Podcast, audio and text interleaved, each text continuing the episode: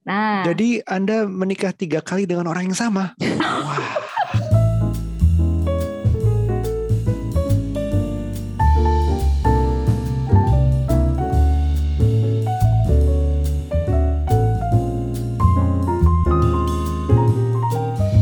Halo Bapak. Hai Ibu, Halo semuanya pendengar curhat Babu. curhatnya Bapak dan Ibu. Yes, kembali di episode hari ini atau kali ini kita Mm-mm. akan membahas hal-hal yang hil-hil alias Wih. belum pernah kita bahas sebelumnya. Iya nih, selama tiga tahunan ya kita bikin podcast tuh kayaknya belum pernah bahas ini. Aduh, ini apa sih emang topiknya? Ini adalah suatu topik yang mungkin um, Mhm. relate ke beberapa orang atau kita ngomongnya gimana ya, agak-agak masih ada kontroversinya gitu loh di Indonesia terutama.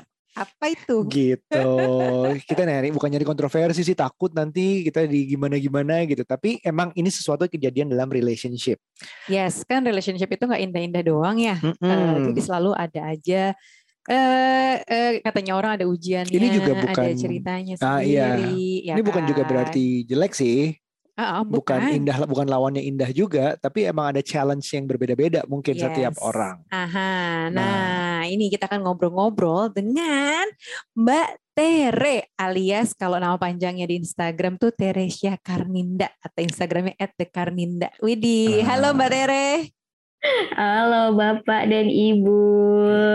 semoga Aduh. sehat-sehat ya kita ngelakuin ini secara jarak jauh teman-teman karena beliau tidak di Jakarta. Jakarta. Mbak Iya. ini domisilinya di Jogja, ya, Jogja. Mbak. Nah, tapi Yes. kenapa kita undang beliau hari ini? Aku kasih sedikit intro ya. Yang menarik dari kita pengen bahas untuk untuk share ke teman-teman di sini dan sesuai dengan persetujuan Mbak Tere juga kita bisa share adalah tentang pernikahannya yang ini sebutannya interfaith ya. Nah, alias kalau bahasa Indonesia aja sih ya beda, Beda agama. gitu. Wow. Iya. Nih, jadi kan sebenarnya kalau di dunia kita yang saat ini udah lebih terbuka, lebih berani, lebih Mhm. apa ya, kayak lebih liberal lah gitu ya. Mungkin dibandingkan dulu yang eh, zamannya orang tua kita lebih apa ya konservatif gitu ya, tradisional dan lain-lain. Tapi kan ke arahnya sini tuh sebenarnya orang-orang udah lebih open minded. Nah, Mbak Tere kan dikisahkan di sebuah apa ya di blognya Mbak Tere sendiri nih ya Iya. menceritakan loh tentang seluk beluknya pernikahan beda agama di Indonesia. Nah, boleh diceritain dulu mungkin love story-nya gimana sama Pak suami? Silakan. Asik, udah baca ya jadi malu. Udah, deh. udah, udah kata. Tapi lebih seru kalau Mbak Tere yang menceritakan lagi. Oke, eh, boleh curhat. Alhamdulillah ada ruang untuk curhat ya. Ya. Jadi, jadi aku dan eh, suamiku eh, kita sebut Jija ya, jadi lebih enak ya. eh, Emang ini bukan nama sebenarnya? Bukan, bukan. Di- Aku lebih aku lebih suka panggil dia Jija. Oke, baik. Heeh, jadi eh, itu panggilan sayang ya, gantinya Beb atau Yang atau Han. jadi kita itu adalah high school lovers. Oke. Jadi kita eh, apa udah eh, berelasi dari 2005 dari sejak SMA.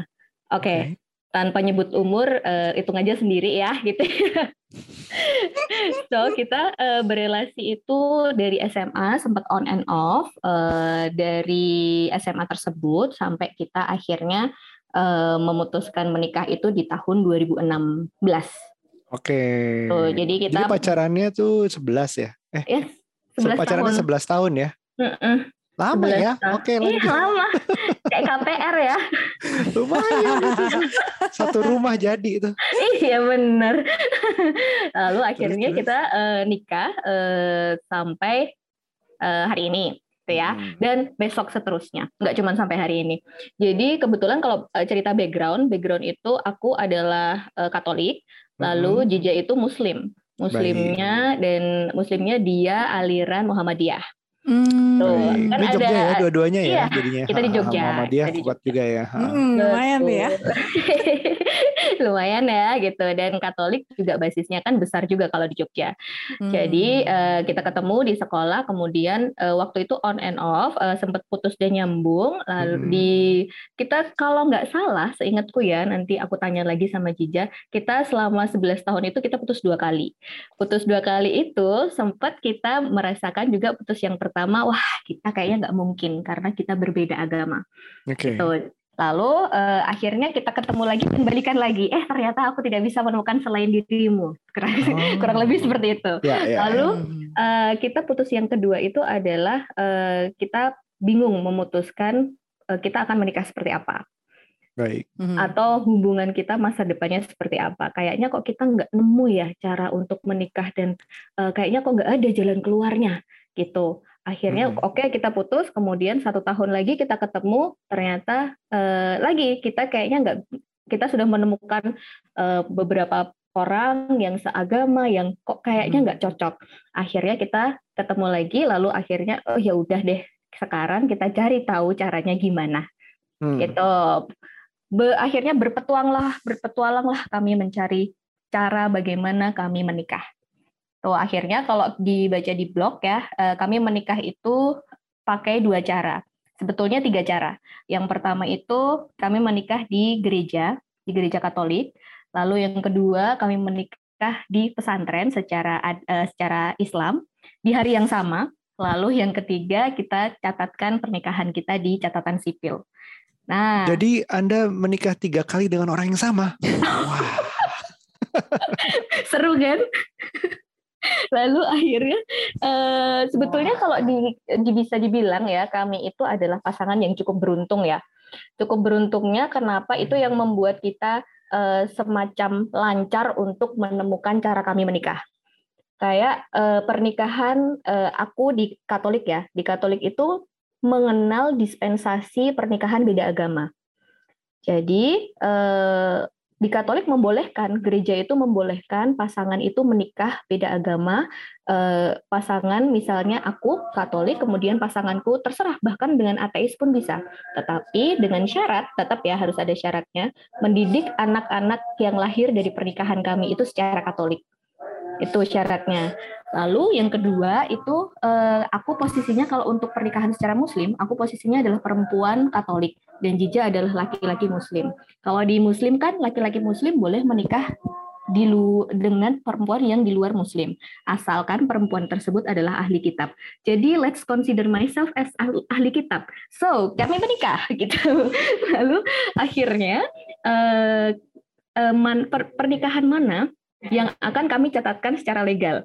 Lalu kami memilih pernikahan yang di gereja yang kami catatkan di catatan sipil biar sah secara hukum. Kenapa? Karena kalau di gereja kan boleh tadi menikah beda agama. Jadi di kartu keluarga itu masih tertulis Jija Muslim, aku Katolik. Jadi benar-benar interfaith secara agama dan juga secara legal. Itu. Pas banget ya suara azan ada di belakangnya sepertinya. Menarik sekali nih. Tapi uh, kita mundur sedikit di tengah-tengah itu adalah di saat bagian pacarannya ya, uh-uh. di mana akhirnya di saat oh ya udah mau nikah nih kita nih yuk kita nikah. Tapi mendiskusikannya dengan orang tua atau minta izin gitu ke orang tua masing-masing, terus ngomong ke calon mertua, itu ceritanya gimana sih? Kok akhirnya dapat lampu hijau? Belum lagi keluarga besar ya, karena kadang uh, suka ada omongan-omongan ikutan bisik-bisik gitu loh ke orang tua kita. Nah itu gimana, Mbak Terry? Betul. Betul, itu dinamikanya beda lagi ya. Kalau di keluargaku kebetulan uh, beruntung juga karena di keluargaku cukup diverse ya.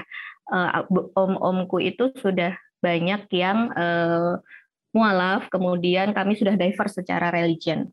Tetapi challenge-nya adalah di keluarganya Jija, karena kami adalah pasangan beda agama pertama dalam sejarah keluarga Jija. Jadi itu uh, waktu itu challenge terbesarnya adalah uh, hal itu ya, membicarakan bagaimana kami menikah secara dua agama di keluarganya Cica. Lampu hijau, kalau misalnya mau spill sedikit, lampu hijau itu justru baru diberikan oleh mama, itu setelah kami menikah di pesantren. Jadi sebelumnya adalah lampu setengah hijau gitu ceritanya. Lampu kuning ya, hati-hati. Begitu. Jadi uh, kalau uh, di keluarga sih dari awal uh, waktu tahu kalau aku pacaran dengan yang beda agama, sebetulnya ibu juga uh, mostly ibu ya yang nggak setuju. Tetapi ternyata waktu itu nggak setuju itu ternyata ketahuan di masa lalu ibu punya relasi unfinished business dengan uh, relasi yang juga dari beda agama. Jadi beliau tidak ingin anaknya mengalami hal yang sama itu tapi melihatku oke okay, oke okay. so, melihatku kekeh jadi oh ya udahlah kayaknya ini nggak bisa di stop deh ini anaknya lalu kalau di keluarga gue udah selesai sekarang berarti keluarganya Jija benar-benar komunikasinya itu dicicil sedikit sedikit sedikit sedikit sedikit sedikit sampai akhirnya ya sudahlah kayaknya ini mentok ya udah kita nikah aja Oke, jadi kalau kecil itu kayak gimana sih? Misalnya aku penasaran nih, aku bawa ini misalnya misalnya Nuca ini beda agama terus aku bawa, yeah, yeah. aku kenalin tuh kayak soalnya orang tua banyak yang awalnya tuh salah satu syarat awal tuh adalah nanya agamanya apa. Iya nggak sih? Orang angkatan apa? kita lah, Bibit angkatan bebet bobotnya tuh oh, kayak betul. Gitu. Apalagi kalau di Jawa ya, uh, mm -mm. secara weton hari nah. kamu cocok enggak? Nah, ini sesuai ya dengan kan? episode minggu lalu nih. Zodiaknya apa cocok enggak gitu itu ditanya kan. Oh. Tapi kalau kalau uh, jangan salah kalau mengenalkanku di hari pertama namaku kan Tere panggilannya. Udah jelas dong, oh Teresia ya. Iya. so, jadi di hari pertama from the first day ah. sudah tahu kalau kami beda agama. Oh, Teresia ya. iya, Mama. uh, uh, iya, iya, iya, ibunya sambil mikir gitu. Ah, oh, oke. Okay. Uh, gimana? Tapi Mbak, terus ini kan udah melalui 11 tahun uh, relationship yeah. ya. Berarti menikahnya yeah. juga sudah tahun ke-6 ya? Iya. Benar. Tahun ini nah, tahun ke-6 Hmm. Oke, okay, tapi secara hubungan dengan orang tua itu hmm. consider baik-baik saja gitu ya. Maksudnya ya kan isunya di awal kan mentok soal agama hmm. nih, tapi ini sekarang masih bawa nggak sih? Kadang-kadang mungkin masih ada yang mengungkit lah atau apa atau gimana Mbak? Apa happy ending aja gitu apa gimana? Ya, kalau uh, membicarakan happy ending itu aku respect banget ya uh, kepada kedua keluarga. Akhirnya ya keluarga dari sisiku dan keluarga dari sisi Jija. Karena pasti mereka mempunyai prosesnya masing-masing untuk bisa menerima oh ternyata aku punya menantu yang berbeda agamanya dengan aku. Itu uh, dan di awal itu uh, itu kalau bisa dibilang tuh masih challenge ya sampai sekarang. Karena kan uh, kayak misalnya keluarganya Jija. Keluarga Jija itu apalagi mamah ya. Kalau bapak itu kan sudah almarhum, jadi challenge-nya adalah bagaimana kita bisa jelasin nih ke mama gitu ya, ke mama kalau aku ini kalau Natal ya masih merayakan Natal gitu. Kemudian oh sorry, kemudian kalau misalnya eh, aku hari Lebaran kalau anakmu sholat id, aku yang bagian jaga rumah. Jadi uh, itu pelan-pelan diterima. Sampai yang sekarang itu happy endingnya aku menyebutkan happy ending ya sesuai dengan prosesnya masing-masing. Happy endingnya adalah tetangga di rumah mama itu kan ada yang beragama Katolik. Lalu anaknya mau dibaptis. Kemudian uh, mama ini tanya ke aku uh, tuh, sini deh. Kalau misalnya ada orang yang dibaptis itu sebaiknya aku kasih apa ya? Kasih kado atau enggak ya? Nah aku e, berpikir atau aku sudah mengkategorisasikan hal tersebut adalah progres penerimaan mama terhadap aku yang masih e, masih menganut agama Katolik yang sudah tahu tentang baptis itu harus diapain gitu. Jadi percakapan-percakapan hal tersebut tuh mas udah mulai kebuka sedikit-sedikit. Sebaiknya kalau tetangga e, merayakan Natal aku datang nggak ya? Atau aku kasih apa? Aku atau aku kasih kado apa? Jadi um, acceptance sudah hadir dalam bentuk pertanyaan-pertanyaan curiosity ingin tahu gitu at ya. least bukan kayak apalagi marah ya jauh dari marah mm. tapi diem aja enggak bahkan sudah mulai bertanya setidaknya jadi ada progres ada gitu progres ya, ya yang yes, awalnya mungkin betul. kaget sampai mm -mm. um, acceptnya benar-benar sampai sekarang curious gitu curiosity-nya yes. udah keluar yes Nah, hmm. tapi aku juga penasaran loh soal relationship yang interfaith kayak gini, itu kayak rasanya nih asumsiku harus apa ya, kayak cross the line atau kayak harus melebihi dari standar yang pasangan yang biasa aja. Karena kan ini melewati apa ya, melewati uh, danau dan pegunungan dan lain-lain gitu loh kayaknya yeah. misalnya ya hubungannya nggak mungkin santai-santai gini loh ya kan? Yeah, nah yeah. ini berarti ada kayaknya off road dari, gitu ya. Iya off road benar-benar lebih tepat off road nah ini tuh uh, apa sih dari uh, Pak Jija ini dan sebaliknya dari Pak Jija ke Mbak Tere yang membuat ini tuh worth it loh untuk diperjuangkan. Karena nggak semua orang mau memperjuangkan apalagi udah tahu beda agama aduh udah deh paling nanti ya udah deh masalahnya panjang gue mendingan bye bye gitu kan. Ada aja yang kayak gitu. Ya itu Pak Jija nongol di, di belakang kecil. Muncul. Jadi uh, betul betul betul. Itu karena satu gini uh, Mbak Nucha sama Bapak dan Ibu. Jadi uh, hubungan beda agama itu tuh masih mendapat stereotip yang seperti Mbak Nucha sebutkan tadi ya. Ini tuh pasti susah gitu. Pasti susah dan pasti nggak uh, mudah untuk diperjuangkan. Padahal kalau kalau kita lihat ya uh, apa peluang kita untuk menyukai seseorang di Indonesia apalagi konteksnya seseorang yang berbeda agama dengan kita itu sangat besar. Karena kan kita diverse banget nih dan kita nggak hidup di lingkungan yang homogen itu jadi kita dan kita nggak tahu akan jatuh cinta ke siapa kan? Jadi kalau kita kita ditanya kok bisa sih? Dan kok mau sih melanjutkan? Ya jawabannya adalah sama ketika kita menanyakan pada relasi yang sama agamanya. Kenapa sih kalian mau lanjut? Kenapa sih?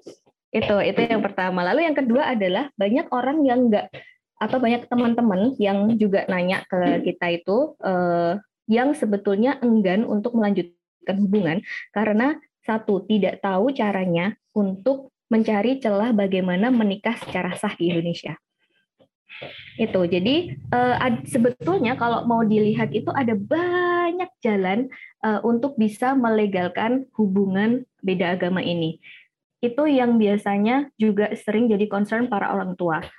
Gimana nanti nikahnya? Lalu gimana nanti anaknya? Padahal ada banyak banget caranya. Kayak misalnya ada temen nih, eh, yang satu Muslim laki-laki, yang hmm. pasangannya adalah perempuan dari Hindu. Mereka mau menikah. Lalu akhirnya jalan eh, win-winnya, win-winnya itu adalah kedua temanku ini menikah secara Muslim dan juga menikah secara Hindu. Jadi yang laki-laki masuk ke pura untuk menjemput dia, uh, masuk ke puranya dia. Lalu secara sipil dicatatkan dengan agama apa? Mereka memilih untuk mencatatkan pernikahan dengan agama Kristen.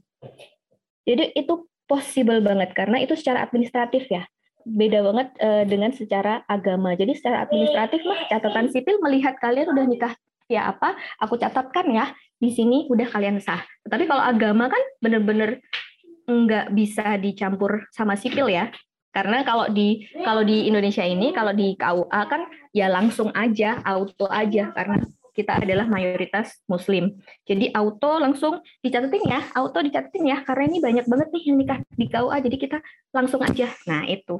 Sebetulnya itu jadi satu stereotype dan dua diskriminasi nih banyak banget karena kita ini minoritas nih, ya kan?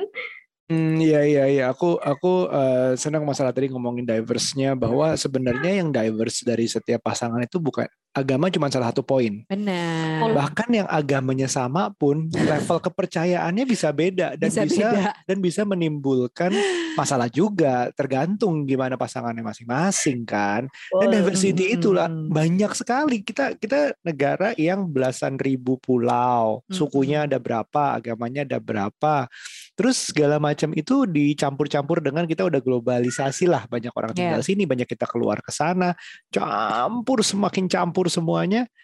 Kalau kita mau cuma concern sama uh, perbedaan agama, ya jangan lupa concern sama yang lain juga. Perbedaan tuh Betul, banyak sekali banyak dan bisa jadi kelemahan, bisa jadi kekuatan. Beda-beda lagi orang terimanya gimana. Nah, tadi ngomongin yang seru juga aku mau nyambung lanjut ke kehidupan sekarang, masalah anak.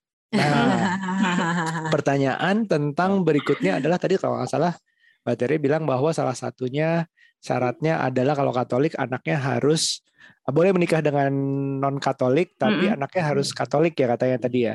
Uh, anaknya gitu ya? dididik, anaknya dididik sesuai dengan uh, ajaran Katolik. Okay. Tidak itu celah juga tuh, tidak oh. menyebutkan bahwa anaknya harus menjadi Katolik. Oh. Jadi agak anaknya bagaimana sekarang? Jadi anaknya eh, kalau dari Katolik ya, jadi filosofisnya kami itu adalah mengajarkan compassionnya Katolik kepada anak kami. Jadi apa pun, jadi eh, kalau prinsipnya aku dan Jija itu adalah kami ingin membesarkan human being, seorang human being, apa yang free ya, yang free karena kan kita Bapak Ibu juga dan siapa pun yang sedang mendengarkan sekarang, kita ini kan mewarisi agama kita masing-masing dari dari orang tua. Jadi uh, itu ada kelemahan dan juga kelebihan. Ya kalau yang diwariskan itu membuat kita nyaman. Kalau misalnya enggak, ternyata kita ini terpanggil pada kepercayaan tertentu yang memang kita temukan setelah dewasa, kan we never know.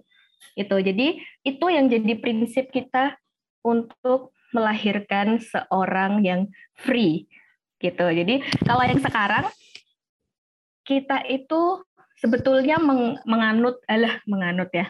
Jadi kita itu di keluarga kita itu mengajarkan dual faith. Jadi uh, sebetulnya kalau sepengamatanku ada tiga, ada tiga jenis uh, keluarga interfaith yang uh, yang yang aku temui ya. Yang pertama itu mereka interfaith family atau interfaith relationship yang mengajarkan hanya satu faith dalam keluarga. Jadi background aja kedua orang tua uh, apa interfaith, tetapi mereka mengajarkan salah satunya kayak misalnya aku dan Jija, keluargaku ya dididik secara Islam. Cuman aku aja yang beragama Katolik. Itu itu one faith. Kemudian yang kedua itu adalah dual faith. Dual faith itu ngajarin dua-duanya ke anaknya. Itu. Tetapi itu ada ada jenis lagi, ngajarin dua-duanya tetapi dengan syarat. Kalau anakmu cowok, ikut aku ya.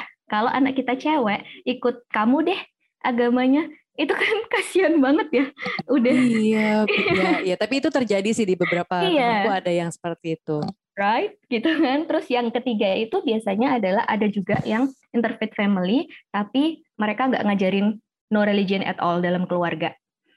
Nah itu ada tiga itu kalau kami pilih yang kedua. Kedua tetapi nggak ada syarat apa pun kita ngajarin dua-duanya ke Altair nama anak kami eh, ke Altair. Kalau misalnya kita misalnya contohnya ya praktiknya. Kalau misalnya berdoa sebelum tidur berdoa sebelum tidur ya kami ajarkan dengan cara kami masing-masing. Bahkan berdoanya dua kali. Dua kali ketika misalnya berdoa secara Katolik lalu berdoa uh, secara Muslim seperti apa? Diucapkan barengan sebelum tidur. Jadi itu kan nggak masalah ya kalau untuk anak-anak ya. Jadi biarkan biarkan dia tahu atau biarkan anak-anak tahu kalau kedua orang tuanya itu emang beragam Misalnya di ruangan ruangan sembahyang kami, kitab suciku dan kitab suci Jija jadi satu. Kemudian rosario dan juga tasbih jadi satu. Ya udah, nggak bikin rumah kami jadi panas atau nggak bikin rumah kami jadi nggak nyaman kok karena kan justru itu ruang sembahyang kan. Nah itu. Jadi intinya adalah at the heart of the family aja kan pengennya kayak gimana. Jadi define dulu mau jadi interfaith family yang kayak apa nih kita? Sampai akhirnya kita bisa nentuin Gitu ya, ya, ya, ya. Sebenarnya uh, ya sama lah sama kita juga misalnya yang uh, kepercayaannya sama. Uh, kita pasti juga kayak rembukan dulu kan value keluarga kita tuh mau seperti apa sih mm -hmm. gitu. Nah mungkin kalau yang interfaith ini ada ada tingkat tingkat ininya yang lebih beda lah dibandingkan dengan kita yang sama gitu ya keyakinannya karena kan uh-uh. uh, harus ada dua gitu yang diajarkan dua-duanya terus nanti yeah. kalau muncul-muncul pertanyaan kenapa aku kok dua dua dua apa ya dua doa kayak gitu-gitu loh uh-huh. mungkin akan muncul namanya uh-huh. juga anak-anak gitu kan uh, nah itu tuh Mbak Tere sendiri ngejawabnya gimana pernah nggak sih uh, muncul pertanyaan-pertanyaan unik dari uh, Altair ini terkait sama dua keyakinan di rumah gitu, kebingungan dan apa gitu, ada nggak? Hmm, kalau tahun ini kan Altair baru empat tahun, dia baru bertanya itu sampai Tuhan itu apa. Oh. Jadi gimana menjelaskan emang apa sih Tuhan? Tuhan itu ada di mana gitu. Jadi kita sebut secara general dulu Tuhan itu di hati, dalam hati kamu. Kalau misalnya kamu eh, apa ingin bersyukur ya ucapkan rasa syukurnya kepada Tuhan. Jadi kita Tuhan itu masih sangat universal. Tetapi kalau misalnya besok eh, kan usia empat tahun belum ada konflik nih ya, masih mm-hmm. happy happy banget ya dengan mm. perkembangan sebagai sebagai anak-anak. Kalau misalnya uh, besok besok bertanya kenapa kenapa orang tuaku itu agamanya dua, ya kita sebutkan bahwa it's a part of diversity. Justru itu bahkan yang bisa dibanggakan karena orang tuamu ada dua agamanya. Jadi depends kepada kita menjawabnya dan kita nganggap itu bahwa uh, itu suatu kelebihan atau kekurangan kan. Mm-hmm. Itu plan kita ya. Besok nggak oh. tahu kalau terjadi oh. ditanyakan itu seperti apa. Kayaknya jawabannya masih sama. apa aku iya. minta untuk dengerin podcast ini aja?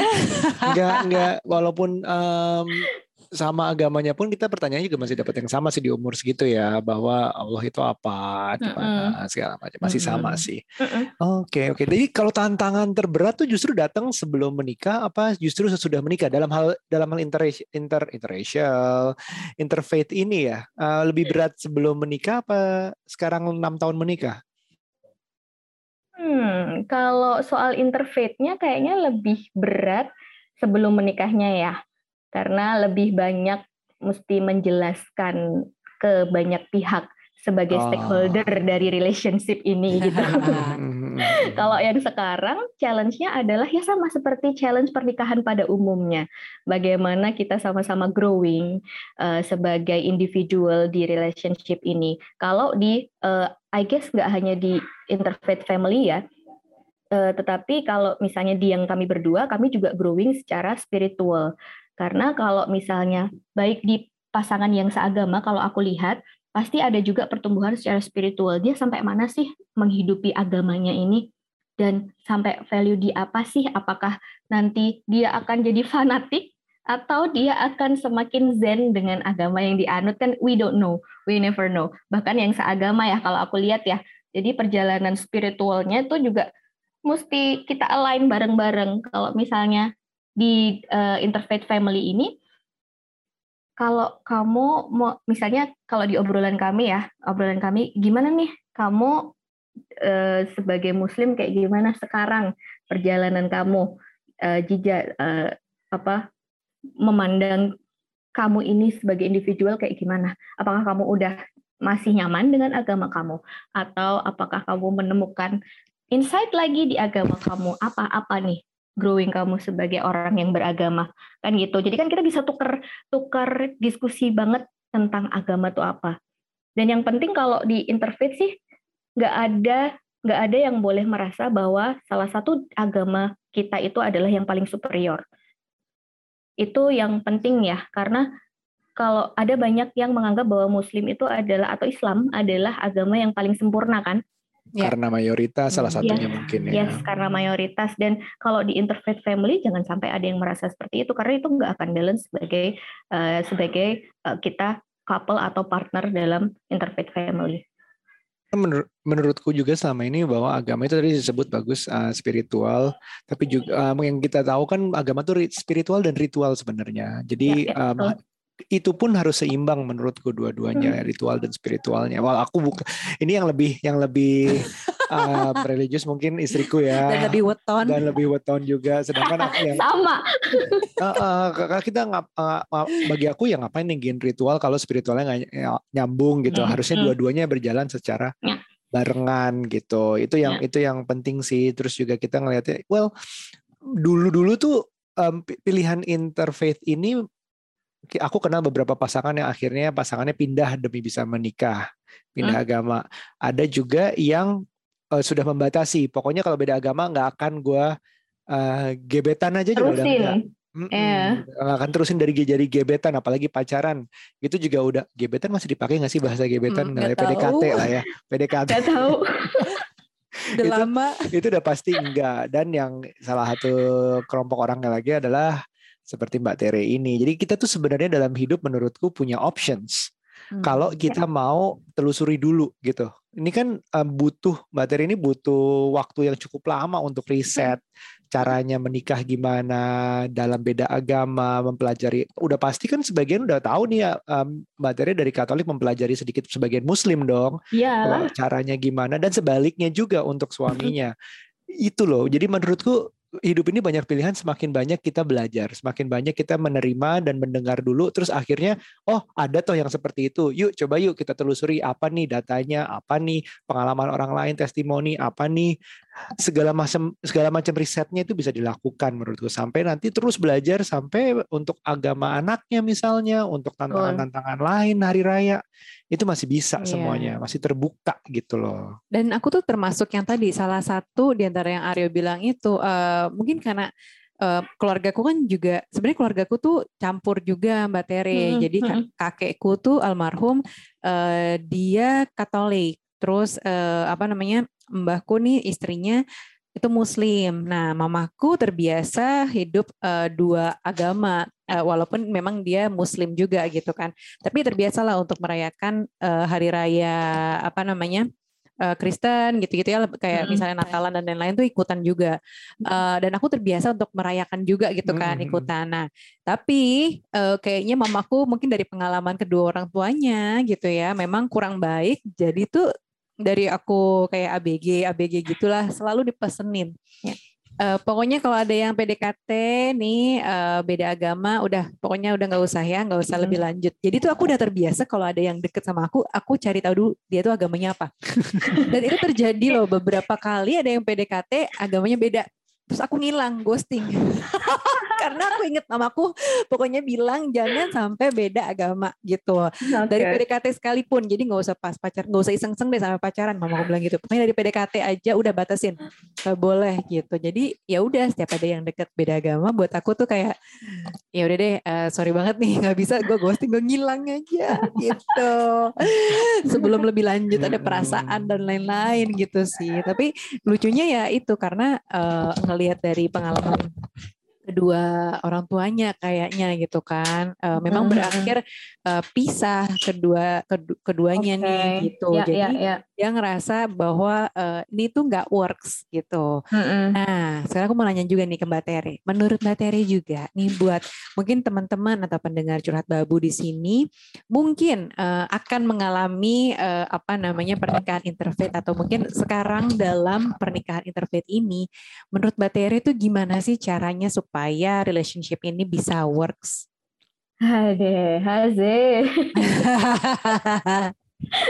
silakan, silakan. Iya, iya, iya. Padahal kuncinya relationship works atau enggak itu sebetulnya pada dasarnya sama ya di sebuah relasi ya mau beda agama mau enggak gitu uh, sebetulnya sama aja tetapi karena sudah ada stereotip bahwa pernikahan beda agama itu selalu susah gitu jadi sepertinya itu itu harus ada special tips gitu bagaimana merawat interfaith relationship atau interfaith marriage.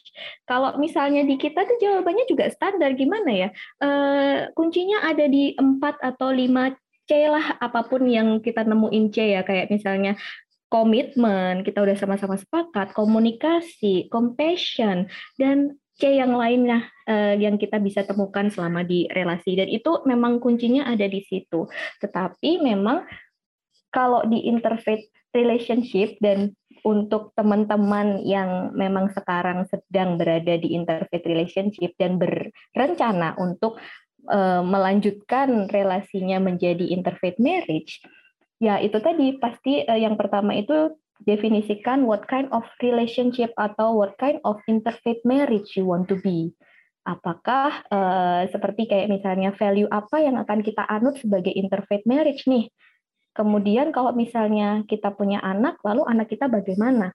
Itu. Lalu yang kedua adalah pahami betul-betul karena kalau nggak paham sebetulnya konteksnya itu yang bikin kita mundur atau ragu-ragu bahwa selalu ada jalan untuk mengesahkan pernikahan beda agama gitu. Jadi eh, secara administratif ya, secara administratif itu yang kadang sering keselip atau bahkan nggak mau digali lagi apakah ada celah atau apakah ada jalan atau solusi atau enggak gitu. Bahkan ada banyak yang memilih menikah di luar negeri. Itu secara administratif safe kan, tetapi secara agama karena kita konteksnya hidup di Indonesia itu belum safe, masih separuh sah itu.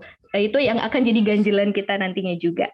Terus eh, yang ketiga itu adalah ketika sudah mendiskusikan atau sudah sepakat dengan relasi kita uh, dengan partner kita mau kayak gimana, jangan lupa bikin prenup.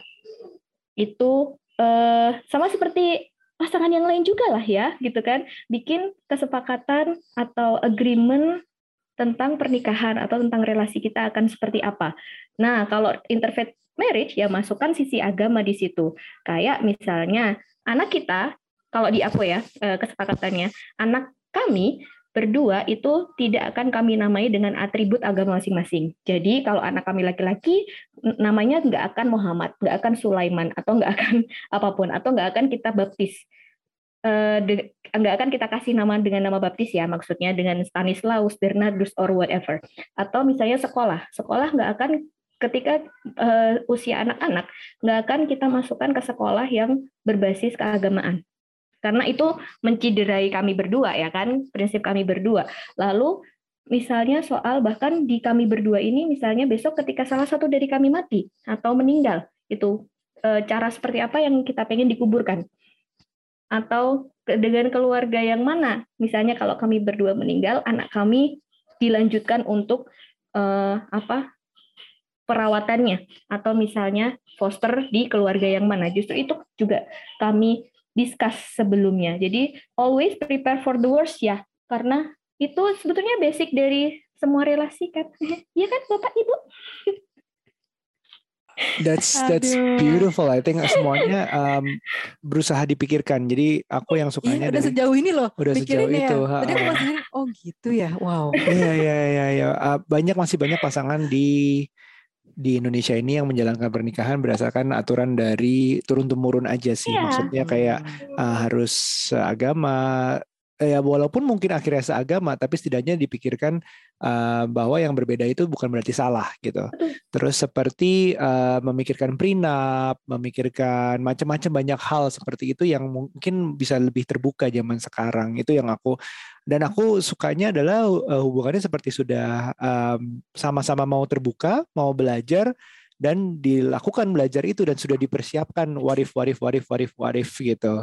Itu sih uh, moga-mogahan um, kita bikin podcast ini bukan untuk mendukung uh, kamu harus berbeda atau kamu harus sama. Justru nggak dua-duanya. Aku nggak mendukung um, harus ngajarin orang seperti apa.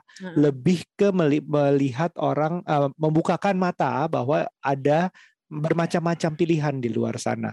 Benar, benar lebih kayak reveal sih bahwa mm-hmm. uh, relationship itu problemnya bukan cuma masalah finance, bukan cuma masalah kayak kita uh, punya selingkuh. anak lama atau uh, atau kayak selingkuh gitu ya, tapi interfaith ini juga menjadi salah satu ujian mm-hmm. lah buat uh, masing-masing couples gitu ya, beda-beda mm-hmm. point of view-nya gimana yeah. gitu kan, apalagi mungkin permasalahannya adalah di awal gitu kan harus menembus batas tadi uh, para stakeholder gitu kan, tapi mungkin setelah menikah problemnya akan berubah lagi apa-apa gitu yeah. kan ya. Iya. Jadi memang dalam relationship ini nggak ada yang mulus-mulus aja. Gak ada gitu nikah ya. yang gampang kan selalu sumber masalah baru kan. iya. Kalau gitu jangan buru-buru nikah nih yang ah. yang dengerin kita. Waduh, waduh, Langsung waduh, gak jadi. Oke, terima kasih banyak Mbak Tere atas iya. waktunya dan sharingnya. Eh, semoga ini bisa disebarkan ke banyak orang yang lagi Amin. mungkin lagi galau, lagi yes. memikirkan, lagi bingung gitu ya, gimana uh, untuk meneruskan hubungan ini mm, yang berbeda agama, ditolak iya, sama orang tua betul. dan di apa ya macam-macam gitu. Iya, bukan untuk diputuskan tidak jadi atau jadi, tapi lebih ke cari tahu dulu lengkapnya ceritanya right. gitu. Itu bisa jadi bagian dari nguji kecintaan masing-masing dong ya. Betul. Oh, betul. Di saat cari tahu ternyata malah berantem, malah nggak jadi, ya udah itu udah bubar, udah selesai itu petunjuknya gitu. udah langsung red flag, red flag iya. gitu ya. gitu. Oke, kalau gitu Mbak Tere terima kasih banyak untuk ngobrol-ngobrol iya. di episode curhat babu kali ini. Mm-hmm. Uh, ya mudah-mudahan buat teman-teman yang dengerin ini menjadi apa ya, insight tersendiri gitu ya mm-hmm. buat relationship ini. Uh, Oke, okay, kalau gitu terima kasih banyak Mbak Tere ya buat teman-teman juga yang udah dengerin semuanya. Jangan yeah. lupa di share, di likes juga di Spotify. Oh tuh. ini di Spotify sekarang kita ada, ada rating sistemnya. Ada Tolong dikasih bintang ya, yes. Bintang 10 dari 5. Iya, kirain ini aja driver aja yang kak, kak kasih bintang 5 iya, ya. Bintang Ternyata 5. podcaster juga gitu. Kak, iya. tolong ya Kak dikasih bintang 5 Tapi kita maunya Spotify. 10 bintangnya dari 5 gitu. Jadi ya gitu deh. Oke, okay, sampai ketemu teman-teman yang mendengarkan di episode berikutnya Curhat Babu Curhat curhatnya Bapak dan Ibu. Bye.